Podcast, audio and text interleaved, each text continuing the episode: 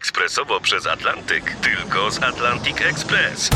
Z nami wyślesz co chcesz, kiedy chcesz, do kogo chcesz i to o 40% taniej. W Atlantic Express wysyłamy wszystko, co chcesz. 1 800 775 7363. Mienie przesiedleńcze, kontenery, paczki do Europy. Atlantic Express to 30 lat doświadczenia i o 40% niższe ceny na wysyłki kontenerów, samochodów i paczek. Ekspresowo przez Atlantyk tylko z Atlantic Express. Niezwykłe historie odkryć i wynalazków prezentuje profesor Ryszard Tadeusiewicz. Pierwszą maszyną, która potrafiła w praktyce skonsumować wyniki badań naukowych pokazujących związki między pracą mechaniczną a ciepłem, była maszyna parowa. Maszyna parowa była dosyć wcześnie już, że tak powiem, wymyślana na różne sposoby, ale dopiero Thomas Savery w 1698 roku zastosował tą tę technikę parowego napędu do odwadniania kopalń. Kopalnie w Anglii były dość często zalewane przez wodę. Wybieranie tej wody za pomocą różnego rodzaju czerpaków, za pomocą różnego rodzaju kubów było niewygodne.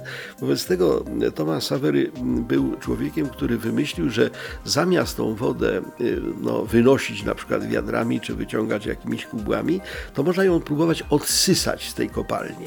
Pomysł Saverego był taki, żeby napełnić bardzo gorącą gorącą parą pewien zbiornik, a potem gwałtownie tą parę schłodzić.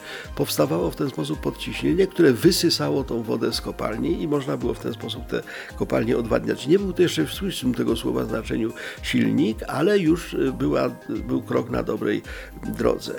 Rozwinął tą ideę Saverego Denis Pepin, zresztą znany również z tego takiego kociołka Pepina, w którym można prototypu współczesnych szybkowarów.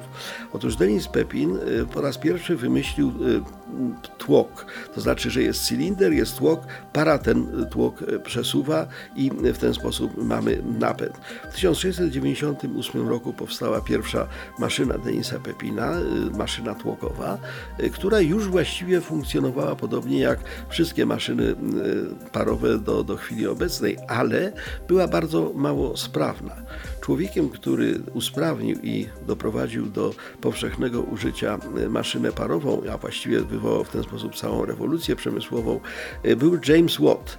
James Watt był właściwie nie tyle wynalazcą, co udoskonalaczem maszyny parowej. W 1769 roku uzyskał na nią patent, potem uzyskał bardzo duży majątek z tego tytułu.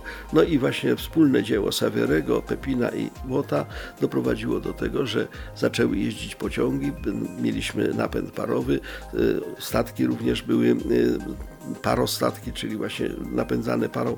Silnik już istniał, tyle że był niewygodny.